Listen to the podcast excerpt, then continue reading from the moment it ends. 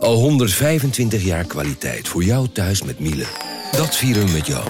Ontvang nu tijdelijk een cashback tot 125 euro op veel Miele-apparatuur. Geniet van de kwaliteit van Miele. Voor perfect verzorgd wasgoed en kleding die veel langer mooi blijft. Voor een stralend schone vaat, even perfect als jouw diners. En een stofvrij thuis waarin echt hygiënisch schoon de standaard is. Check miele.nl voor alle feestelijke aanbiedingen. Hey podcastluisteraar. Ook op zoek naar een relevante invulling van je schaarse luisteruren? Tune dan in op de podcastserie ESG, even samengevat van BNP Paribas. Wij, Marloes en Aldert, spreken daar duurzame voorlopers en wereldverbeteraars. Waarover dan? Nou, bijvoorbeeld of we ooit duurzaam kunnen gaan vliegen. En waarom koeien in de stad nou een goed idee is? Dat en meer elke twee weken in een nieuwe aflevering. Dus abonneer je. ESG, even samengevat.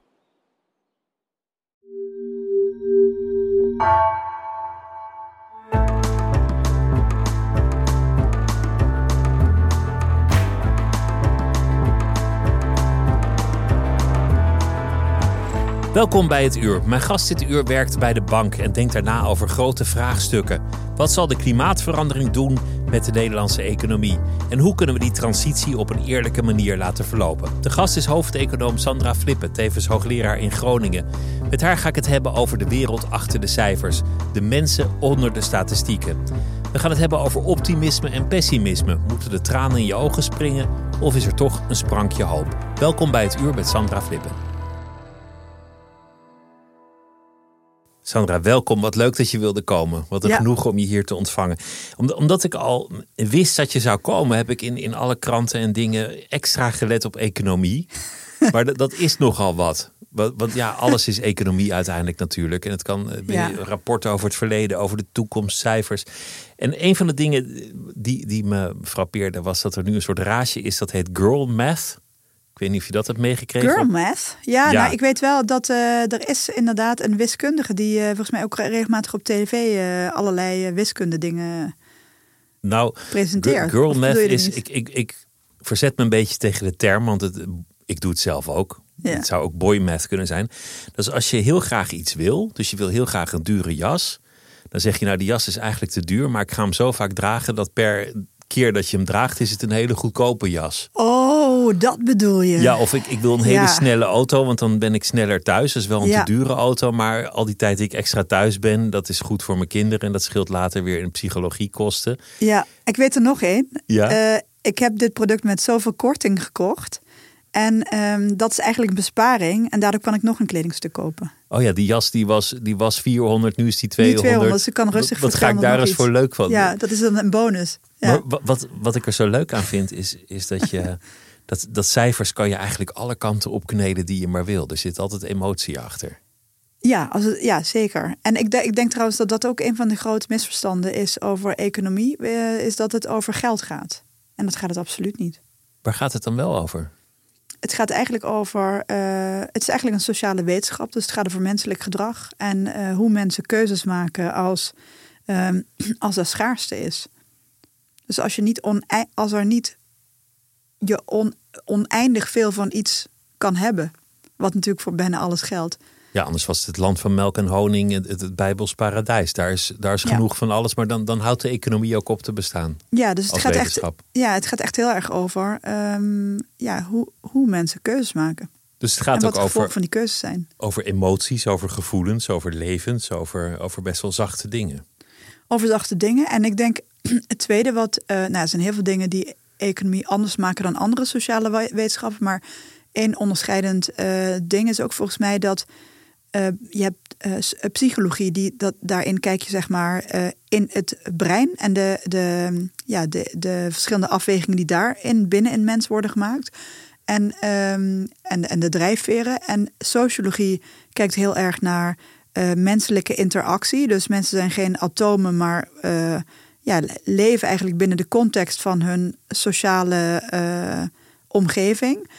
En economen ehm, proberen eh, zeg maar eigenlijk daar nog een laag eh, op afstand van na te kijken. En die, die, kijken, die zeggen van oké, mensen hebben een aantal drijfveren van dingen die ze nastreven. En dat is zeker niet alleen geld verdienen, maar ook eh, ja, liefde ontvangen, liefde geven, status hebben. Ja, al het menselijke, zeg maar, zit in een wat we noemen nutsfunctie. En, ehm, en, en, en dat drijft mensen zeg maar, in het leven voorwaarts. En omdat mensen in, in een collectiviteit leven, waarin al die mensen hun keuzes maken, kijken economen naar um, wat gebeurt er in een evenwicht. Dus zeg maar, welk gedrag vertonen, zeg maar, uh, welk verdrag, welke uitkomst vertoont de maatschappij als alle mensen um, hun eigen zaken in het leven nastreven uh, in, en rekening houdend met de mensen om hen heen. Dus als iedereen gaat voor zijn verlangens, wat, wat ze van nature doen, ja. dan, dan zal daar toch een uitkomst zijn van al die gedragingen. Ja. Dus, dus al die kleine gedragingjes die, die, die maken een evenwicht en, en dat wordt bestudeerd door de econoom. Dat is een van de, een van de richtingen die, een belangrijke richting die wordt bestudeerd door economen, die vaak, uh, denk ik, wat te weinig eer krijgt. Dat is uh, theorie, zeg maar. En dan, uh, dat, dat doe je met speltheorie, principaal agentmodellen bijvoorbeeld.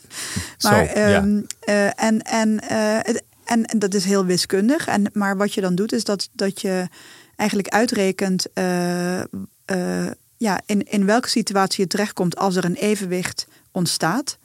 Um, en dat kan tot hele verrassende inzichten leiden over ja, waar, waarmee je dingen eigenlijk uh, kunt leren over een, over een maatschappij die je, die je misschien zonder die formalisatie niet had kunnen leren. Dus, dus door op die manier ernaar te kijken en soms ook modellen ervan te maken, ja. krijg je uiteindelijk inzicht in onze samenleving, ons gedrag, onze verlangens. Ja, je krijgt een, een, een inzicht. En tegelijkertijd, en dat is vaak de kritiek dan op modellen, is dat er wordt gezegd. Uh, uh, je kunt de complexe werkelijkheid helemaal niet in een model uh, vangen. En de aannames die economen doen, die, um, ja, die, die maken belangrijke dingen kapot, wordt soms zelfs wel gesuggereerd. Maar ik denk dat um, mensen zich niet realiseren dat de eerste die zal zeggen over hoe beperkt zo'n model is, dat is de econoom. Want want uh, op het moment dat je inderdaad uh, ja, heel veel verschillende opties in zo'n model gaat stoppen, valt het evenwicht niet meer uit te rekenen. Het wordt gewoon te complex. Dus je moet dingen weglaten om tot een waarheid te komen. Anders heb je niks. Juist, ja. En, dat, en die waarheid moet je vervolgens niet uh, als een ultieme waarheid zien. Dat is een, een modelwaarheid. Maar je kunt er wel iets uit leren over um, wat je misschien als je, als je gewoon zeg maar empirisch zou kijken naar, naar uh, gedrag van mensen en, en economische uitkomsten, dan had je dat misschien niet geleerd. Wel interessant dat sommige mensen woede ervaren naar de, de economie als de schuld van dingen. De Ja. econoom als schuldige van dingen. Van ze Ja. kijken alleen maar naar de cijfers en niet naar de mensen. Het is goed voor de economie, maar waar blijft de burger? Maar jij bent opgegroeid in, in de buurt van Kerkrade. Dat klopt, ja. Is, hoe, hoe Ter zag je dat als roergebied? Of zag je dat als voormalig mijngebied? Of, of had je dat soort associaties er niet bij? Nee, ik dacht, ik, ik, eh, nee, ik was me daar allemaal niet bewust van. Maar ik, ehm, eh, ik ben er later wel bewust van geworden. Want ik heb vorig jaar een lezing gegeven in eh Heerlen. Dat eh, lezing die heet Dansen op de Mijnen. Ehm, en toen ben ik er wel wat meer ingedoken in de, inderdaad, de mijngeschiedenis. En dat gaf ook wel meer context aan de dingen die ik om me heen eh, zag gebeuren. Ehm, ja, als je, als je jong bent, je leeft gewoon je leven. Je bent, niet, je bent dat niet constant aan het plaatsen in de context van de geschiedenis. Maar ehm, Want je hebt gezegd, het was een gelukkige jeugd. Het was een groene omgeving. ja, Jullie woonden mooi in een, in een oud kerkgebouw. klopt. Als Ja, ik het me goed herinner. Een, ja, een jeugd met idealisme. ja, Maar, maar tegelijk een gebied dat, dat in een hele korte termijn van functie is veranderd. Met, met alle gevolgen van dien. Men- mensen die, ja, hun zekerheden waren weg. Hun, Ja. hun manier om geld te verdienen was weg. ja dat, dat is, ik vind dat dus eh, heel interessant in, in zekere zin. Want eh, daar hebben dus eh, zo'n 70.000 mensen hun eh, werk verloren in, dit, in de tijd van de mijnsluiting. Dat was eh, ver voordat ik eh, jong was. Maar de na-effecten waren, ehm, waren heel groot. Dus eh, er was inderdaad veel werkloosheid. Er was, was eh, vrij veel armoede. Ehm, er was ook sociale verloedering. Ehm, er was veel drugs gebruikt in die tijd dat ik jong was in Heerlen. Dat zijn wel. Maar ik, ja, ik heb me pas later gerealiseerd dat dat dus iets met die mijnsluitingen te maken had. Dus je zag wel die problemen, je zag wel Ja. dat, dat er mensen worstelden, maar dat dat iets te maken had met mijnen of met economische functies, dat, dat Ik- had je niet door als kind. Helemaal niet, nee. Maar, maar jouw Nee. grootvader die heeft nog echt in de mijnen gewerkt. Ja, allebei mijn grootvaders. En ehm, eigenlijk hebben ze het allebei niet naar hun zin gehad daar. Dus ik weet, en dat is best wel atypisch, want heel veel eh, mensen hebben ook een eh, nostalgie naar die mijntijd. Ehm, d- omdat er toen heel veel, er was, er was eh, werkgelegenheid, er was eh, inkomen, het was welvarend. En er was veel eh, sociale cohesie. Ehm, maar mijn opa's hadden die, dat helemaal niet. Zelfs mijn, mijn Duitse opa was eigenlijk een ondernemer. Was met zijn broer een eigen onderneming begonnen. En is toen, ehm, wilde na de oorlog daarmee verder gaan. Alleen eh, zijn broer kwam uit de oorlog niet terug. En eh, die had de vergunning op zijn naam staan. Dus toen eh, kon hij het bedrijf niet eh, open houden. En toen is hij in de mijnen moeten gaan.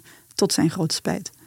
Heeft hij daar ook last van gehad, fysiek, in, in, in de zin van stoflongen en, en andere klachten? Zeker, hij is daaraan gestorven ook. Hij is echt letterlijk gestikt. Ja, Zo mooi was het niet natuurlijk. nee. Ik, ik heb er boeken over gelezen die zeiden van ja, de, de, de fout was dat er ineens goedkoper staal elders eh, geproduceerd kon worden en, en weg waren al die banen. Zie Ja. je, de, de economie is, is, een, is, is, is een gemene werking. Maar er zijn er ook die zeggen ja, ze hebben er veel te lang aan vastgehouden. De juiste poging om het overeind te houden heeft het leed veroorzaakt. Ehm, ja, nou, ik ben daar dus eh, door die lezing wel een beetje ingedoken. En ehm, ik denk eigenlijk wat er in Limburg eh, is gebeurd, is ehm, die, die sluiting was onvermijdelijk. Want inderdaad, eh, eh, er was staal of er was steenkool die die in andere delen van de wereld gewoon veel goedkoper eh, ehm, ja, op de markt kwam. En eigenlijk was ehm, de vakbondsleider van de Katholieke Mijnwerkersbond, dat is een man die heet Domen.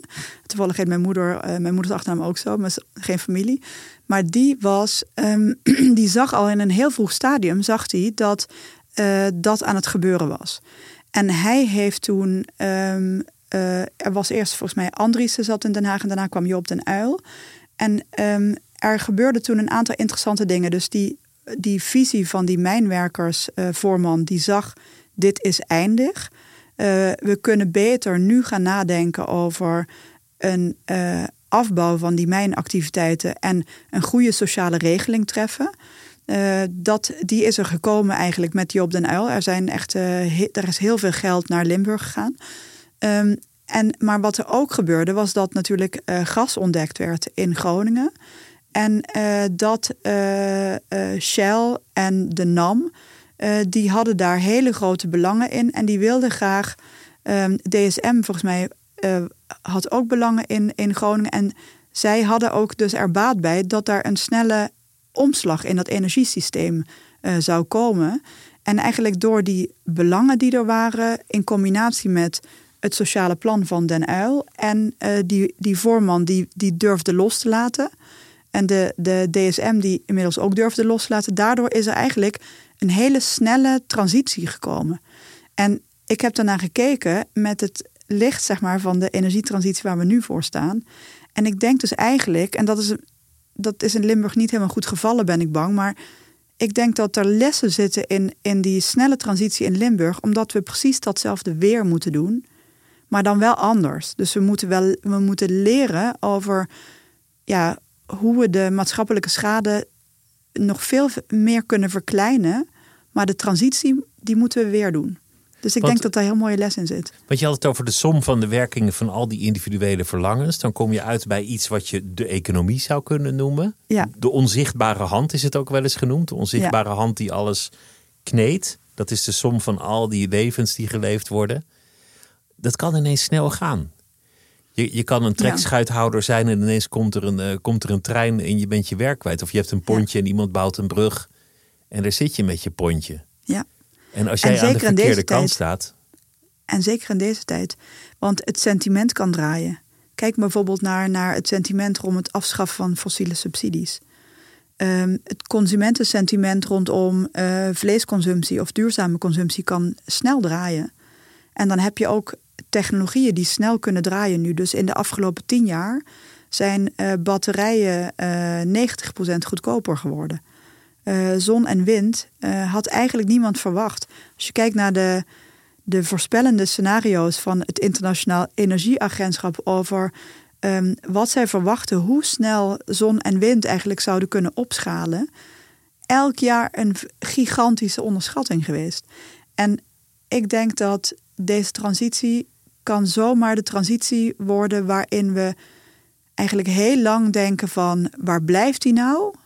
En dan ineens denk je, hoe kon het zo snel zijn gegaan? Daar, dus het gaat sneller dan je het, het, het duurt langer dan je wil en dan gaat het sneller dan je voor mogelijk houdt. Maar dat, dat zijn gigantische veranderingen. Als je het hebt over eh, het land van jouw jeugd, Limburg, en de wonden die zichtbaar waren in, in drugsverslaving, criminaliteit, werkloosheid, misschien ook wel nostalgie, leegstaande gebouwen, fabrieksterreinen. Dit is overal in Europa hetzelfde. Loteringen, eh, bepaalde gebieden in Engeland. Is, is dat ook voor jou de inspiratie geweest, zonder dat je dat misschien destijds door had dat het economie is, om econoom te willen worden? Nou, het, is, het heeft zeker uh, bijgedragen aan echt een heel diep uh, rechtvaardigheidsgevoel dat ik heb. En dat, ik kan er heel slecht tegen als ik het gevoel heb dat de, um, ja, dat de maatschappij uit elkaar wordt gespeeld. Zeg maar. Het bij elkaar houden is voor mij op een of andere manier dus heel belangrijk. En ik denk dat, uh, ja, je, kunnen er een hele therapeutische sessie van maken. Maar ik denk dat um, het misschien ook al in mijn ouders zat. Want die hebben ook hele sterk, die hebben dat gevoel ook heel sterk. Uh, en omdat zij natuurlijk allebei ook ouders hebben gehad uit die mijnstreek, uh, kan ik zomaar voorstellen dat die, ja, die maatschappelijke tweedeling, dat die toch, ja, dat dat via hun ook in mij terecht is gekomen. En ik weet in ieder geval zeker dat ik het heb hoe het er komt. Uh, er worden mensen vergeten. Er worden in een economie mensen achtergelaten. Ja. Van, nou ja, we hebben je niet meer nodig. Succes. Ja. Dat kan voor een hele streek gelden. Voor, voor een stad. Detroit. De, de, dat gaat ook niet meer zo mooi. Die stad was ooit een, een booming stad van de toekomst. Ja. Ja, dat zie je dus ook in, de, in, in, in inderdaad vooral veel uh, Britse oude industriesteden, waar natuurlijk uh, de industrie eigenlijk een razend tempo uh, kan wegtrekken. Dat vind ik, um, ja, dat, ik vind dat dus heel interessante economie. Een, een voorbeeld daarvan is uh, onderzoek dat heet de China Shock. Dat is eigenlijk uh, waar het over gaat, is dat China is in de jaren 80 tot het wereldhandelssysteem toegetreden. Um, en kwam zeg maar eigenlijk met een gigantische productiecapaciteit kwam het die wereldmarkt op en overspoelde de wereld met goedkope in China gemaakte producten. En um, de maakindustrie bijvoorbeeld in de Amerikaanse, uh, uh, ja, in de, in, in de, de heartland, zeg maar. Ja, die industrie vertrok daar, maar ook in, in heel veel uh, Britse steden, de industrie vertrok daar. En um, in plaats daarvan werd er veel goedkoper uit China ingekocht in Nederland hebben we dat ook gezien. Want in de textielindustrie bijvoorbeeld in het oosten van Nederland... Uh, maar ook in uh, delen van Brabant, waar heel veel um, ja, kleding en de schoenenindustrie bijvoorbeeld maakte in, in leer, dat, dat, daar is heel veel werkgelegenheid verloren gegaan. En wat je ziet is dat um, in die gebieden wordt ook, zie je een sterke correlatie met bijvoorbeeld ook een politieke rechtse stemgedrag. En um, dat is niet allemaal direct met elkaar te verbinden. Maar ik denk wel dat je moet realiseren dat, dat in zo'n transitie, waarin eigenlijk het geld heel snel kan wegtrekken naar elders en daarmee ook werkgelegenheid, dat, je, ja, dat mensen dan op een gegeven moment kunnen wegzakken en weinig te verliezen hebben. En iemand anders of iets anders de schuld gaan geven. Gewoon boos worden. En dat, boos worden, ja. En, en, en, eigenlijk een hele begrijpelijke boosheid, eerlijk gezegd. Dat, vind... dat is het zeker, maar, maar het is, ja, de, de Rust Belts in Amerika die stemden op Trump. Ja. Omdat ze een terechte woede hadden, ook vooral naar de Democraten toe. Die beloftes hadden gemaakt, niet waren nagekomen. Ja. Of Trump ze gaat helpen, dat betwijfel ik. Maar, maar dat is een andere discussie de gele hesjes. Dat, dat hangt daar indirect ook al mee samen. Heeft er ook mee te maken. En ik denk ook als we naar de toekomst kijken dat. Um, kijk, we zien nu, we hebben bijvoorbeeld uh, de energiecrisis gehad in Nederland. Um, wat je ziet is dat er uh, heel veel steun is voor de laagste inkomens. Uh, dus we hebben energietoeslagen van uh, 800 tot 1300 euro voor huishoudens. Um, er is de eenmalige uh, uitkering, die was dan voor iedereen van, um, wat was het, 190 euro. Of, of 90 euro twee keer, het is 180 euro geloof ik. En, um, ja, en, en dan is er het warmtefonds. Dus wat ik, waar ik me ook wel zorgen over maak, is dat we in de energiecrisis hebben gezien dat het kabinet mensen die dreigen door het ijs te zakken, zeg maar, ruimhartig te hulp schiet. Waar ik op zich heel blij mee ben natuurlijk. Alleen dat de, um, de lagere middeninkomens die net zeg maar buiten die regelingen vallen. Dat je daar dus op een gegeven moment in die, in die energietransitie die we tegemoet gaan ook gaat krijgen. Van uh, wacht eens even. De mensen boven mij die kunnen het zelf redden. De mensen onder mij die worden gesteund. En wat is er voor mij? Voor mij? Dus ik denk dat we daar in Nederland ook voorzichtig mee moeten zijn. Er, is, er is al gesproken over een compensatie-economie. Ja. En, en er, zijn, er zijn economen die, die zeggen, waaronder geloof ik jij zelf ook. Pas daar een beetje mee op. Ga niet elke sector die nood leidt steunen. Niet iedereen die zijn inkomen achteruit ziet gaan meteen een compensatie aanbieden. Ja. Laat, laat, laat de economie ook een beetje zijn werk doen. Ja, het is een gigantisch dilemma. Want kijk, in Nederland zijn wij uh, we zijn een polder-economie. Dus uh, um, wij gaan veranderingen te lijf met z'n allen. We slepen iedereen er doorheen. We gaan samen afspraken maken, maatwerkafspraken. Um, maar als je kijkt naar de energietransitie waar we voor staan en je, en je probeert zeg maar vat te krijgen op um, de intensiteit van de verandering, ja, dan, dan kun je dat met onze polderen allemaal samen beetje voor beetje. Um, ja, is het eigenlijk niet haalbaar. Dus oh, kijk, als we een voorbeeld geven, hè, dus sinds de jaren 90, tussen, tussen de jaren 90 en nu, eh, hebben we gemiddeld genomen per jaar reduceren we zo'n 0,7% emissies op jaarbasis. Um, in de afspraak waar we onze handtekeningen onder hebben gezet, en dat is gewoon 60% emissiereductie als streven voor 2030, ja, dan zou je zo'n 6% emissiereductie per jaar moeten realiseren. We, doen nu 0, we deden 0,7, dus dat is ongeveer, uh, het moet tien keer meer. Um, in de jaren uh, sinds de pandemie uh, en de energiecrisis en het tussenjaar 21 hebben we 5% emissie gereduceerd. Dus het was eigenlijk nog steeds niet genoeg. Um, maar ja, je kunt niet een, een um,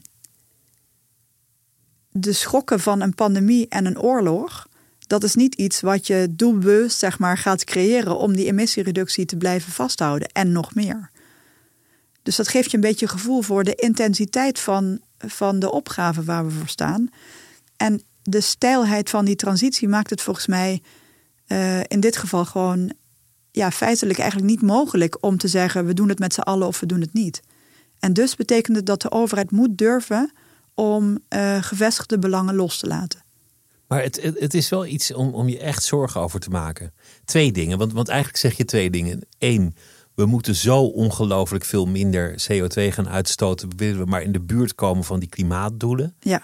Er zijn al mensen die er veel beter in zitten dan ik, die zeggen: Nou, we gaan het gewoon al niet meer redden. Die anderhalve graad, daar, daar zitten we al overheen, die, die is eigenlijk al verloren. Met alle gevolgen van dien, maar daar komen we straks misschien nog op. En het tweede is, ja, wie, wie gaan er de dupe worden? Ja. Want als je heel rijk bent, nou, dan leg je een paar zonnepaneeltjes neer en dan koop je een elektrische auto en een warmtepomp en, en je redt het wel. Ja. Maar, maar mensen die in een tochtig huis wonen of in een huurwoning of die, die uh, niet de mogelijkheden hebben, die gaan over de rand vallen in sommige gevallen. moet je dat laten gebeuren? Moeten we zeggen van nou ja, dat was, dat was de oude economie, die hebben we niet meer nodig. We moeten door?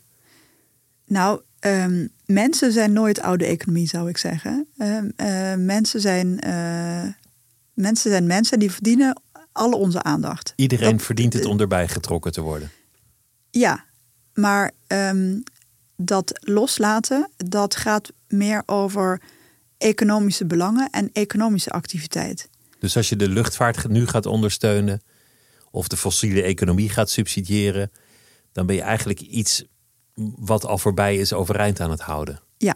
Zoals de mijnen destijds overeind zijn gehouden in sommige gevallen. Ja, Te dat lang. klopt. Ja. Of, de, of de enorme subsidies aan de scheepsbouw. Ja. Terwijl die bedrijven feitelijk al lang failliet waren. En wat men verbaast is dat het argument van eh, blijven eh, overeind houden heel vaak is behoud van werkgelegenheid. Terwijl wat we eigenlijk nu zien is dat we een gigantisch tekort hebben aan arbeidskrachten. En dat, en dat begint structureel te worden. Dus je Dus- kan die mensen zo ergens anders misschien nog wel kwijt. Al die mensen zijn nodig. Al die mensen die we zeg maar zouden loslaten in de fossiele economische activiteiten, die zijn, nou ik zeg het even een beetje extreem, maar die zijn volgens mij allemaal nodig in die transitie. Dus wij kijken bijvoorbeeld, we doen daar onderzoek naar, we kijken naar eh, allerlei ehm, transitieberoepen. We hebben er 51. Denk aan eh zonnepaneelinstallateur, elektriciteitstechnicus, eh, maar ook planners, ook mensen dus ook, ook met meer administratieve of adviesachtige beroepen in die transitie. Ehm, die ehm, daarvan is zeg maar gemiddeld eh 50% van die vacatures. ehm, daar komt eigenlijk eh, niemand eh, opdraven om te solliciteren op die vacature.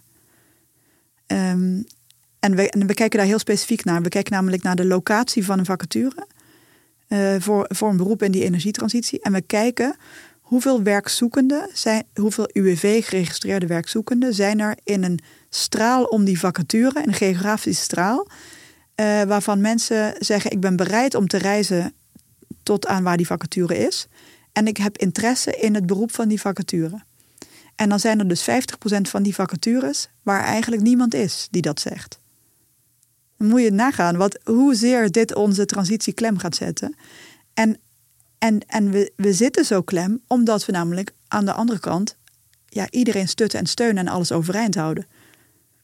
Ben jij een idealist, zou je het zo zeggen? Is, is, is, is dat een motief voor jou in je werk als econoom? Oh. Ik vind dat dus een moeilijke, want ehm, me- zeg maar, mijn, ik ben een idealist in de zin dat ik probeer eh, zo bij te dragen aan eh, het bereiken van zoveel mogelijk eh, welzijn voor zoveel mogelijk mensen. Een soort optimum zien te vinden. Ja, dus dan kom je weer in dat, In dat, in dat economisch evenwicht. denk- Ja, ja, ik denk dat dat is. ehm, ik denk dat dat eigenlijk is wat de meeste economen drijft, om heel eerlijk te zijn. Ik denk dat dat de basis is van de economie.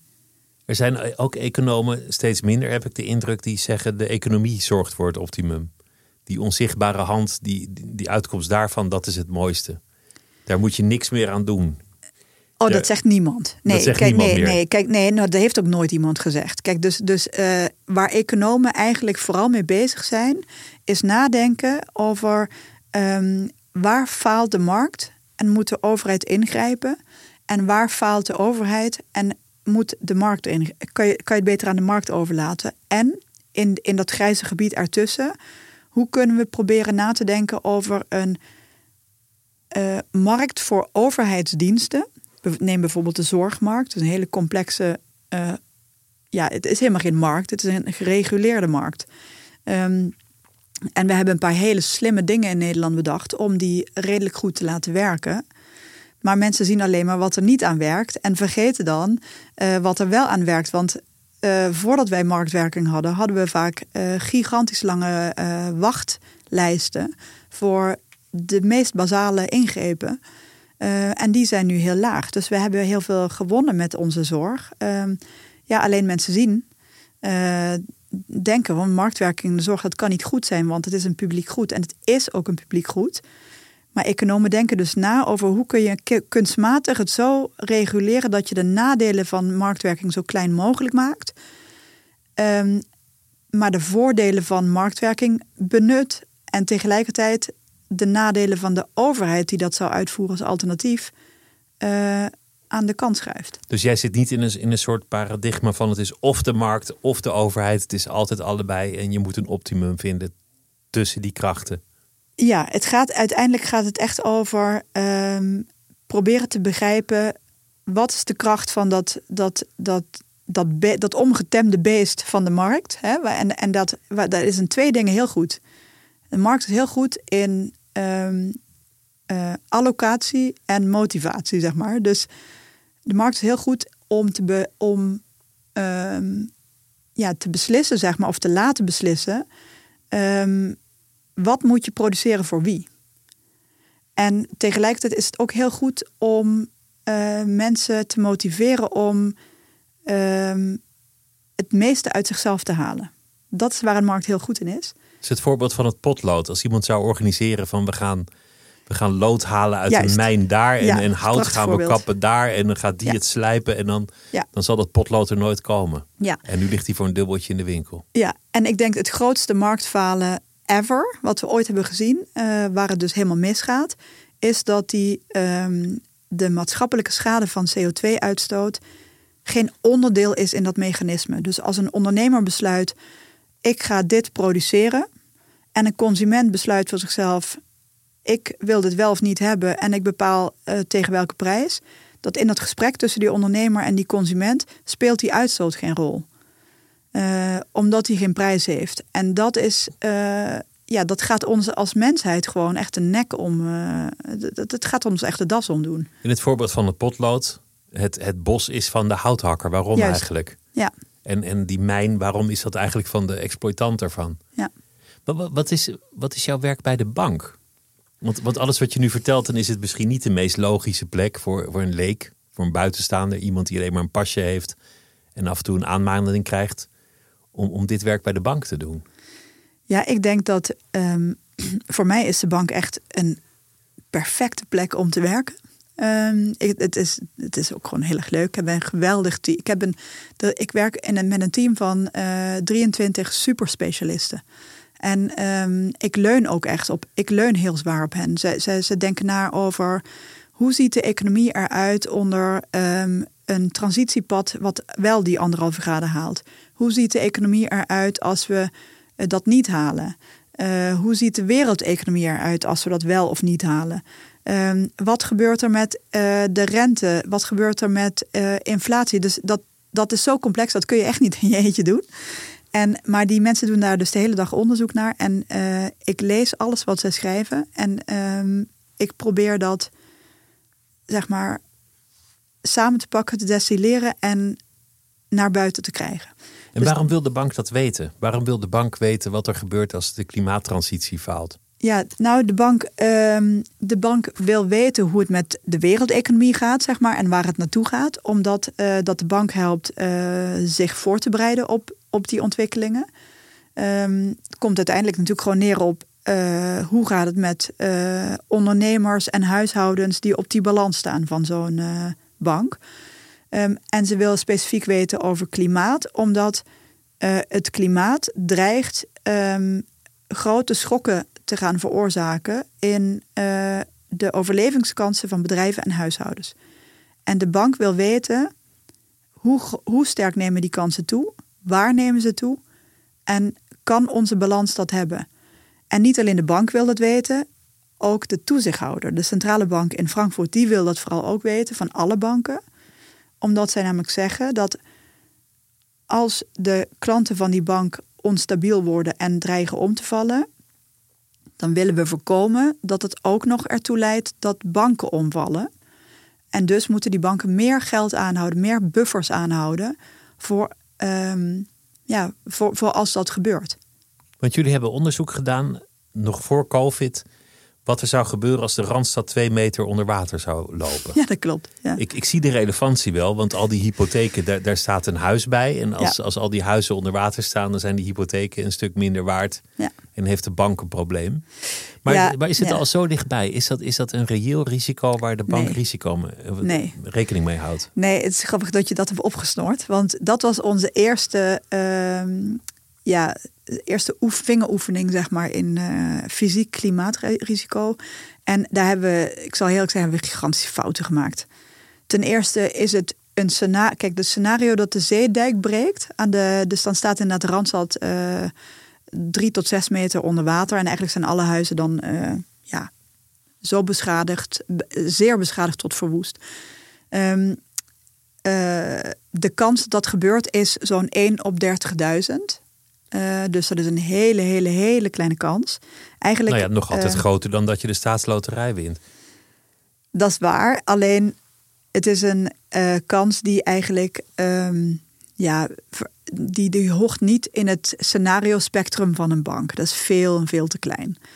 Um, dus daarbij hebben we allerlei berekeningsfouten gemaakt. We hebben de schade enorm onderschat. Dus bijvoorbeeld, ik zal je één voorbeeld geven. Wij, wij hadden in dat scenario hadden we um, nou ja, wat die, die dijken laten doorbreken. Die, die, de Randstad loopt uh, onder. Uh, woningen verliezen zo'n 30% van hun waarde. Um, en, uh, na, en een maand lang is er eigenlijk geen verkeer in die, in die Randstad. Dus mensen kunnen niet aan werken, er wordt niks geproduceerd, alles ligt stil. Er komt een soort oorlogseconomie op gang. En na die maand is het water weggepompt en begint het herstel. Dat was ons scenario. Nou, toen hebben we een telefoontje gehad van de Delta-commissaris en die zegt: Jullie zaten er een klein beetje naast, want dat water staat een jaar. Niet een maand. Een jaar? Een jaar. Ja. Dat, dat, is dus dat is nog erger dan New Orleans destijds na Katrina. Ja. En dat was al lang. Ja, maar de kans dat dit gebeurt is zo gigantisch klein dat het gewoon echt de verkeerde dingen zijn om te stressen. Dus we zijn nu andere dingen aan stressen. We kijken nu naar bijvoorbeeld uh, kleine overstromingen met, uh, die vaak voorkomen door bijvoorbeeld zware regenval. Um, we kijken bijvoorbeeld naar um, uh, periodes van droogte. Dus uh, deze week zijn de nieuwe KNMI-scenario's uitgekomen. en die zijn best wel schrikbarend, want zij vertalen de wereldwijde weersverwachtingen van het IPCC naar de, ja, de grond in Nederland. Um, en um, ze kijken naar het wordt, uh, het wordt uh, natter, het wordt droger, gek genoeg. Het wordt uh, warmer en um, wat nog meer? Wat natter, droger. En de zeespiegel stijgt. En vooral dat droger worden is echt flink aangescherpt voor Nederland. En dat betekent bijvoorbeeld dat, dat grondwaterstanden dalen, tenzij je ingrijpt. En een dalend grondwaterstand betekent dat ehm, de funderingen waar huizen op staan uh, veel sneller uh, gaan rotten. En um, dat zien we nu al. Toevallig kwam vandaag het nieuws naar buiten in Rotterdam-Bloemendaal, in Rotterdam-Zuid, dat daar naar verwachting zo'n 2700 panden die niet onderheid zijn, uh, dat die nu al enorme funderingsschade hebben. Uh, kenniscentrum Funderingsaanpak schat dat er in Nederland tussen nu en 10 jaar zo'n 1 miljoen panden zijn waar dit voor gaat gelden. En je hebt het dan over een schadepost van zo'n 60 tot 120.000 euro. Per huis? Per huis. En um, kunnen mensen niet dragen. Uh, als, mensen, als je wijken hebt waar mensen bijvoorbeeld op leeftijd zijn, krijgen ze ook niet de hypotheekruimte meer om dat te financieren via schuld. Um, wat het voor mij ook lastig en daar komt mijn rechtvaardigheidsgevoel weer, dat je ziet gewoon de panden, de niet onderheide panden, zakken veel sneller dan de wel onderheide panden. En moet jij eens raden waar die panden vooral staan. Nou, sowieso denk ik de Randstad. Dat, dat, dat het houten palenprobleem zich daar plaatsvindt in de steden. Dat klopt. En dan de niet onderheide, dat zal dan wel de, een beetje de wijken aan de rand van het centrum zijn? De arme buurten, ja. Dus zeg maar de oude, want, want in, Den, in Den Haag zijn ze altijd uh, rijk woont op het zand en uh, arm woont op het klei. Nou, dat gaat er allemaal weer te doen. Dit, dit maakt allemaal deel uit van de gigantische veranderingen die ons te wachten staan. Ja. De energietransitie, uh, de klimaatverandering zelf, de andere geopolitieke verhoudingen die ermee samen zullen hangen. Dit betekent dat, nou ja, berg je maar, doe je gordel maar om. Ja. Brace, brace, zeggen ze in de Air Crash Investigation. Ja, daar staan we nu aan de vooravond van. Ja, en tegelijkertijd denk ik, um, de hele wereld staat aan de vooravond ervan. Maar ik denk dat we heel blij kunnen zijn dat wij in Nederland wonen.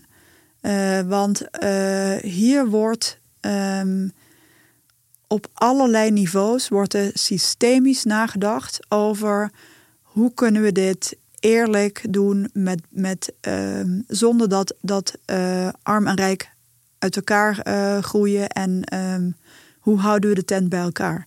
Dat is echt waar in Nederland heel veel mensen mee bezig zijn. Toevallig uh, gisteren was ik bij het Nationaal Plan Energiesysteem uh, van het ministerie van Economische Zaken en Klimaat. daar wordt echt heel erg nagedacht van hoe voorkomen we dat inderdaad um, lage inkomens zonder uh, veel eigen vermogen, zonder al dat coronaspaargeld, uh, met een relatief hoge energierekening in, in verhouding tot hun inkomen. Hoe, komen, hoe voorkomen we dat zij um, ja, eigenlijk systematisch uh, verarmen, terwijl andere mensen wel weerbaar zijn en ook die transitie kunnen dragen en daarmee hun, hun dagelijkse um, rekeningen onder controle houden? Dat, daar wordt in Nederland zo goed over nagedacht. Um... Maar, maar er is maar zoveel dat je kan doen. Corona, er was toen van, van, van heel veel mensen enorme lof voor de regering. Hoe ze dat hadden gedaan. Hoe ze meteen allemaal regelingen in het leven hadden geroepen. Ja. Het heeft wel op korte termijn de staatsschuld heel even flink doen oplopen. Ja. Dat kan je natuurlijk niet eeuwig doen. Je kan niet voor elke ramp die er komt weer een voedsel open trekken. Of kan dat wel? Nee, dat kun je niet. En ik ben heel blij dat je dat zegt. Want um, dat is een heel groot ding wat nu aan het opkomen is. Uh, de minister Kaag uh, zit in, in Brussel en denkt na over met alle ministers van Financiën in Europa over hoe houden we de begroting uh, onder controle, zeg maar, de, de Nederlands, maar alle begrotingen in, met, met al die kosten die er aankomen. Um, en uh, het IMF, uh, dus nu de jaarvergadering is in Marrakesh. En daar wordt ook gezegd: kijk, eigenlijk, als je die transitie gaat doen door steeds maar weer iedereen te compenseren en te ontlasten. En door te weigeren een CO2 een prijs te geven, ja, dan krijg je een schuldexplosie. Overheidsschuldexplosie. Dus de enige manier om dat te voorkomen is door uh, uitstoot te beprijzen. En dan krijg je dus dat je dus niet alle gevestigde belangen zeg maar, um, gaat beschermen. Maar dat fossiele economische activiteiten um, op een geordende manier failliet moeten kunnen gaan. Of moeten kunnen uitgefaseerd worden. Maar dat moet je dan waarschijnlijk wereldwijd gaan, gaan regelen. Nou, dat hoeft helemaal niet, want uh, in, um, um, wij hebben in, Europa een uh, CO2-prijs via het emissiehandelssysteem. Um, we zouden daar in, in Nederland uh, nog een schepje bovenop kunnen doen, omdat wij ook hele scherpe doelen. We hebben zelf gezegd, we willen 60% en niet 55%. In 2030, nou dan moeten we er wel ook een schepje bovenop doen. Maar wij kunnen dus CO2 beprijzen in Europa. Uh, en tegelijkertijd aan de buitengrens van Europa een tarief vragen eigenlijk, een, een opslag voor ieder bedrijf dat buiten Europa um, ja, goedkoop kan produceren omdat ze die beprijzing niet hebben. Uh, en die zeg maar de Europe op de Europese markt iets wil gaan verkopen. Bijvoorbeeld denk aan een Indiaas bedrijf dat staal wil verkopen in Europa ja, die betalen dan bij de grens uh, een opslag voor elke ton die zij, die zij exporteren naar Europa. Um, en daarmee wordt eigenlijk een kilo staal uit India even duur als een kilo staal in Europa.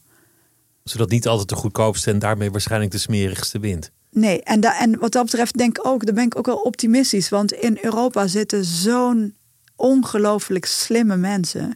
En die bedenken zo'n goede um, regels eigenlijk waarmee, uh, waarmee we met, met behoud, relatief goed behoud van welvaart die transitie in kunnen. Maar al die, het enige gevaar, enige, sorry, nog het enige gevaar waar, waar, waar, wat ik zie, kijk, die transitie. Het is niet zo dat we, die, dat we die kunnen kiezen of we die niet maken of wel maken. We gaan hem hoe dan ook maken. De enige keuze die wij hebben is: gaan wij naar gevestigde belangen luisteren tot het niet meer kan? En maken we daar dan daarna zo'n danige draai dat het instabiel wordt? Of hebben we nu uh, een politiek die moedig is om die dingen los te laten, zodat we nu kunnen beginnen met een zo stabiel mogelijke transitie? Dat is de enige keuze die we hebben. Dat is exact wat ik wilde vragen. Het is voor, voor economen denk ik het moeilijkst om te voorspellen de emotie. Zo'n brexit, dat zag niemand aankomen. Nee.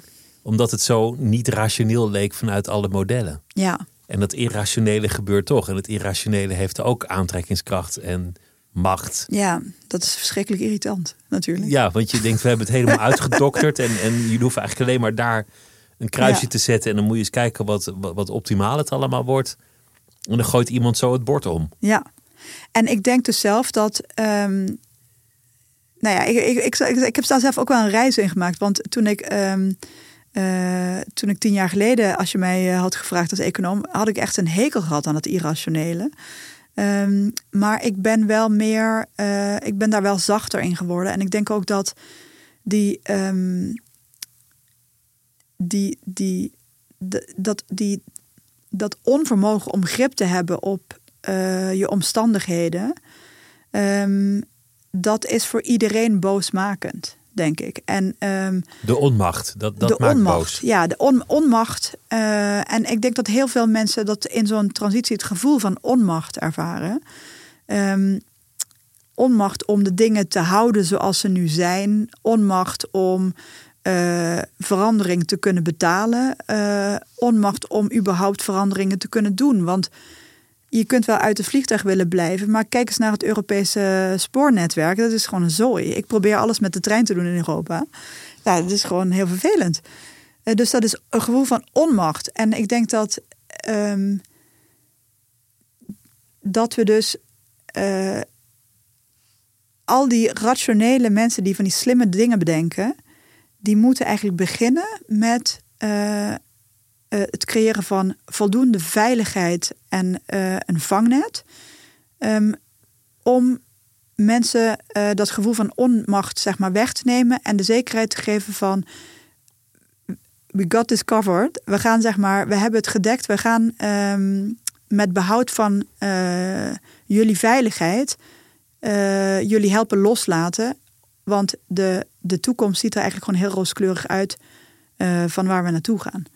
En, en uh, daar moeten in huidige politiek heel radicale keuzes voor worden gemaakt. En dat, uh, ik, ja, ik, ik, het enige wat ik kan doen is denk ik proberen erover na te denken. Proberen het ook operationeel uh, uit te werken en onderzoek ernaar te doen. En dan zoveel mogelijk erover te communiceren. Maar, maar optimisme en pessimisme zijn allebei strikt genomen even irrationeel. De, de, het irrationele speelt, speelt altijd ja. een rol in, in ieders leven. Ja. We zijn allemaal veroordeeld om irrationeel te zijn, omdat we niet alles kunnen weten. Maar of je dan denkt van nou, het zal wel goed komen, of dat je denkt, ach, het, het wordt helemaal niks. Beide opties zijn over het algemeen even irrationeel. Ja, behalve als je al in een auto met snelheid op weg naar een ravijn zit, dan, dan Ja. is pessimisme rationeler. Ja, Maar- je hebt gelijk. Maar zelfs dan zou ik voor optimisme kiezen. Omdat je dan een prettiger einde hebt. Ja, Maar, maar het is. dat is een beetje zoals dat Don't Look Up eh, Ja, verhaal. Ja. maar speelt, speelt irrationaliteit een, een rol in jouw, jouw leven en in jouw werk? Nou, in mijn leven zeker. Eh, ik ben natuurlijk net zo irrationeel als eh, wij, al wij eh, irrationele wezens op deze aarde. Ehm, maar ik probeer, ik probeer wel, ik, in ieder geval in mijn werk probeer ik, eh, ja, pro- probeer ik gewoon eh, de feiten te betrachten, zeg maar. Ehm, en ook die feiten zijn altijd minder eh, rationeel dan je zou willen. Dus ook in, het, in mijn werk is heel veel, is zeg maar eh, je intuïtie gebruiken. Ehm, eh, proberen aan te voelen wat, wat beleid gaat worden, wat, wat politici gaan besluiten. En soms ook proberen dat te beïnvloeden. Ehm, en dan niet vanuit mijn, ja, misschien ergens wel vanuit mijn idealen, maar, maar ook vanuit mijn, ehm, mijn economische idealen, zeg maar, van dat ik denk dat dit is de minst schadelijke optie. Eh, probeer alsjeblieft dit te kiezen. Dit is het optimum. Dit is eigenlijk. De, Ja. de- we hebben erover nagedacht. Ja, Dit is de minste schade voor de meeste mensen. ja. Het optimaal geluk zit Ja. hier. En ik ben natuurlijk, ik bedoel, in, in mijn privéleven ben ik natuurlijk ook hartstikke irrationeel. Doe je ook aan, aan boy math of girl math? Of eh, van nou ja, deze jas was in de aanbieding. Kijk eens, zo'n koopje. Ik heb geld verdiend. Nou, ik moet eerlijk zeggen, ik ben eh, wat dat betreft wat minder eh girlish, denk ik, altijd geweest. Want ik, eh, ja, ik heb bijvoorbeeld een hekel aan winkelen. Ehm, Maar een snelle auto, daar, daar, daar past eigenlijk hetzelfde mechaniek op. Of een, of een Ja. vakantie. Of, ik heb geen auto. Dus ik ben heel, ik ben echt, ik, ik, ik, ik, ik ben best wel idealistisch in mijn eigen leven. Ik heb bijvoorbeeld een sabbatical gehad deze zomer. En toen heb ik in, ehm, in de buurt van mijn huis eh, heb ik een klein guerrilla-tuintje gestart. Waarin ik, eh, in navolging overigens van eh, iets van 800 steden wereldwijd waarin dit gebeurt, ben ik gewoon openbare ruimte met ehm, eh, biodiversiteit gaan beplanten. Zonder dat aan de gemeente te vragen. Dat is echt rebels. Dat is, wel rebels. dat is een heel kleine rebels, ja. Ja, ik ben, tot mijn ergernis ben ik drie keer opnieuw alles gaan beplanten, omdat uh, de gemeente het gewoon heeft weggemaaid. En uh, toen zei een uh, vriend van mij: Je kunt ook een uh, maai me niet bordje bij de plantenwinkels kopen om dat daar neer te zetten. Ja. Nou ja, dat is trouwens een van de, van de dingen die uit onderzoeken komt. De stad heeft meer groen nodig. Om, ja, en ik om merk, vocht ik, af ja. te voeren, om, Ja. om klimaat een beetje laag te houden. Ja, kijk, ik, ik, eh, ik, ik heb een keer een documentaire erover gezien die me aansprak. En ik dacht dat eh, zoiets wil ik ook doen. Maar ik moet ook, als ik eerlijk ben, zeg maar, in, ik doe mijn werk en ik maak die analyses eh, en met het team. En ehm, ja, soms dan zo'n IPCC-scenario grijpt mij ook echt best naar de keel. En dan vind ik het zelf gewoon ook heel ontspannend om het groen best en, en iets kleins eraan te doen wat ik kan doen. Zodat je weer controle hebt over, over het geheel. Ja, het- ik, ik kan niet zeggen wat ik daar precies mee bereik, behalve inderdaad een soort eh gemoedsrust, zeg maar. Het is, eh, Was, was die sabbatical een compromis? Want je hebt wel eens gezegd, ik wil elke vijf jaar mijn baan opzeggen. ja, klopt. En dan een half jaar niks doen. En dan, Ja. dan ga ik daarna wel weer solliciteren. We zien wel, maar zo hou ik mezelf scherp. Ja, Een soort mandaat aan jezelf toegekend. ja. Die vijf jaar die, die zitten er volgens mij net een beetje aan te komen. Nou, ik, had, ik was dus in eh, juni vijf jaar aan het werk bij ABN AMRO. Eh, drie jaar als hoofdeconoom. En, ehm, en ik had ook... Kijk, weet je, ik had, ik had kunnen zeggen... net als eh, eerdere jaren eh, stop ik ermee... en ga ik een half jaar niets doen. Want, want in mijn, zeg maar, eerdere programma sinds 15 jaar... stop ik... Ehm, en, en dan ga ik daarna niet op hetzelfde spoor door. Hè? Dus ik stop en, ik, en, ik, en ik, ik zeg mijn baan op en ik ga niet solliciteren en ik kijk niet om me heen en ik laat, probeer alles los te laten. Om eigenlijk mijn identiteit weer te ontdekken eh, wie ik ben als ik niet eh, doe wat ik doe. en ehm, dat is het waardevolle. Dus het gaat om het echte loslaten. Voor mij dan. Hè? Dus dan ben je niet die vrouw van de bank. Wie ben ik dan wel? Waar sta Ja. ik voor? Wat doe ik op deze aarde? Ja, en het is best wel moeilijk. Want je, je gaat best wel een soort van een, een, ehm, een fase van zelftwijfel in. Want je identificeert, zeker als je zo gedreven bent als ik ben, dat, dan je identificeert je gewoon met wat je doet. En eh, ja, dat loslaten, dat, dat smijt je toch weer terug op, op jezelf. Van wie ben ik eigenlijk en wat kan ik en wie wil mij hebben. Weet je, allemaal dat soort dingen. Maar er zit ook vertrouwen in het opzeggen van die baan. Ja, ik heb wat dat betreft eh, heb ik veel zelfvertrouwen. Klopt. Ook dat is feitelijk irrationeel. Zelfvertrouwen of gebrek aan zelfvertrouwen. Is dat, is dat irrationeel? Je kan, je kan niet objectief beschouwen dat het altijd goed zou komen. Of dat iedereen altijd op je zal zitten te wachten. Of misschien eigenlijk ook wel. Nou, ik, je kunt op basis van het verleden wel eh, voor jezelf eh, bekijken of, eh, of het moeilijk of makkelijk is geweest om een baan te vinden, toch? En dan de lijn doortrekken en zeggen, nou er is altijd behoefte aan mensen in mijn vakgebied of met mijn ervaring. Ja, kijk, ik, ik, goed. ik wil even bijzeggen, want ik heb er ook wel kritiek op gehad dat ik. ik realiseer me terdege dat, dat dit lang niet voor iedereen kan. En, dat loslaten is eh, ook niet voor iedereen even makkelijk. Of dat nou om financiële redenen is, om, om emotionele redenen, maakt niet uit. Ehm, maar, maar voor mij persoonlijk is het gewoon goed. En, eh, en ik denk dat mijn vertrouwen in, in mijn eigen vermogen om altijd iets zinvols te kunnen doen en daar mijn boterham mee te verdienen, dat is alleen maar gegroeid door het loslaten. Dat is niet afgenomen. Dus door dat los te laten weet je van, ik, ik weet niet wat er gaat gebeuren. Maar ik weet dat ik zelf de vaardigheid heb om dingen op te lossen. Ja. Of om een weg te vinden. Ja. En dat is En misschien wel ook zo- goed. Ja, en wat het heeft nog, nog wat het ook heeft gebracht, is dat ik ehm, in mijn werk, waar ik ook werk, dat ik me. ehm, ik sta voor eh, wat ik denk en wat ik ontdek. En ik ga geen andere. Ik ga niet iets anders zeggen dan wat ik denk, eh, omdat er een belang van een werkgever achter staat. Dat doe ik gewoon niet meer.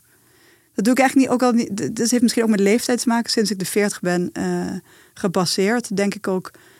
ehm, ja, dit, is, dit is wat het is. Ik heb hierover nagedacht. Ik denk dat het klopt. En ik ga niet iets anders zeggen omdat het jou even niet uitkomt. Nee, ik, Ook al ik, ben je de baas. Ja, eigenlijk wel. Ja. En wat ik dus heel erg leuk vind aan mijn huidige werkgever is dat, dat mijn baas weet dit. En ze willen me desondanks eh, lopen ze het risico om mij te houden.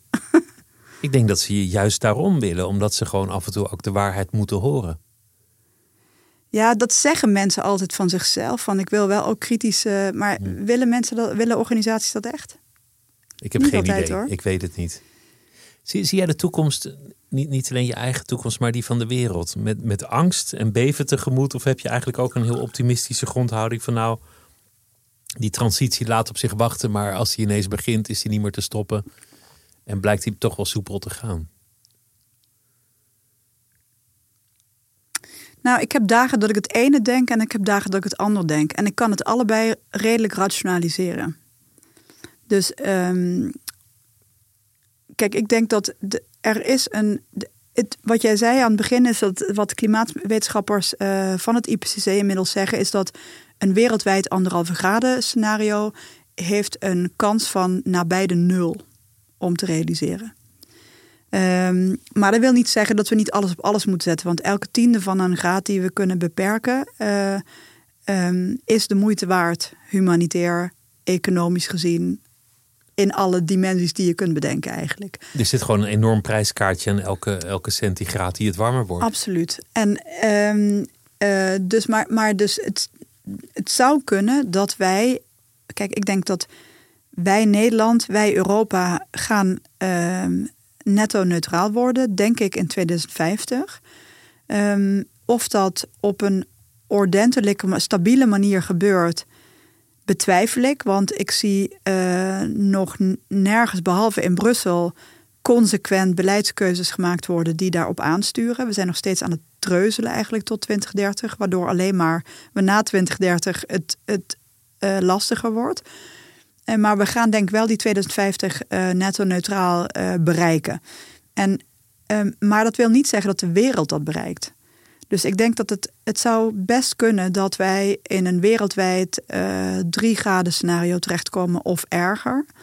Ehm, maar dat we tegelijkertijd in een instabiele transitie lokaal komen. En dan heb je dus eigenlijk het slechtste van twee werelden. Want je krijgt namelijk het fysieke extreme weer van een wereld die opwarmt. En je krijgt de instabiele transitie van onze eigen domme keuzes. En ehm, nou, dat is zeg maar mijn zwartste dag. Ja. En dan heb ik ook wel hele goede dagen, want je kunt het ook, je kunt ook zeggen: Europa heeft een transitiedoel. We hebben gelukkig Brussel en het beleid dat als een trein doordendert. Ehm, we hebben eh, een Amerika dat ook een eh, transitiedoel. Ze gaan het op hun eigen manier met heel veel subsidies doen. Eh, hun schuld kan ook veel meer hebben, dus weet je, hun pad. Dus, maar zij gaan het ook misschien wel halen in 2050. China heeft ook een heel voortvarend pad, want zij hebben 2060 als doel. Maar zij zijn veel beter op weg met alle zon, wind en batterijinvesteringen. Ehm, en landen die er niets aan doen, ja, die hebben straks aan de Europese en misschien ook wel aan de Amerikaanse buitengrens, krijgen die die belasting om hun oren. En dat betekent voor hun dat of zij gaan marktaandeel verliezen als ze naar ons willen exporteren, of zij gaan zelf die CO2 reduceren. En ik denk dat zij dat laatste zullen kiezen. En dan heb ik, ben ik ook nog optimistisch eh, over multinationals. Want die kiezen eh, op heel veel terreinen de strenge standaarden van Europa. Zodat ze daarna het productieproces zeg maar, in één keer wereldwijd kunnen uitrollen. En de bank, hoe optimistisch ben je over groen bankieren tot slot? Eh, nou, heel optimistisch. Want ehm, eigenlijk kun je 60% van eh, de emissies van onze klanten kun je gewoon eh, reduceren met eh, technologie die nu op de markt is. En ehm, daar zijn we heel hard aan aan het werk. En ik denk dat de bank langzaam ook begint in te zien dat er een enorme upside is. aan al die klanten die die transitie moeten gaan financieren en in die technologie moeten investeren. En dat wij eh, als de Wiede Wera eh, moeten, moeten zorgen dat, dat, dat we bij die klanten aankloppen en zeggen van wil je bij ons eh, tra- transitiefinanciering halen, hier heb je het. Want daar zit de toekomst en waar de toekomst is, daar wil je als bank ook Ben- zijn. Ja, en, en, en ik, eh, ik ben ook een congres daarover aan het organiseren. Want wij doen dus bijvoorbeeld onderzoek naar ehm, welke technologieën kunnen in een specifiek productieproces, nou lekker zeggen, voedings- en genotsmiddelenindustrie of de, de suikerindustrie. TNO heeft onderzoek ernaar gedaan en wij nemen dat over. En dan kijken we naar welke technologieën kunnen wij nu al financieren um, en hoeveel emissies haal je daarmee uit de lucht. En wat we nu gaan doen met het congres is dat we gewoon onze klanten allemaal gaan aanschrijven in die industrie. En dan zeggen we jongens, wij hebben een idee hoe we jullie emissies naar beneden krijgen. En uh, wij kunnen zelf, of we zoeken de partners erbij om die financiering voor die reductie te leveren. Ja, dat vind ik dus, dat, dat is en ondernemerschap en ook emissiereductie. En ik geloof daar wel in. Het was me een groot genoeg om met je te praten. Dank je wel dat je langs wilde komen. Ik wens je heel veel uh, succes en, en, veel plezier. Dank je wel. Met alles, dank je wel. Ja. En dat was het uur voor deze week. Volgende week is er een nieuwe aflevering. Mijn naam is Pieter van der Wielen. Het uur wordt gemaakt door Mira Zeehandelaar en productie Claire van der Woude. Tot volgende week.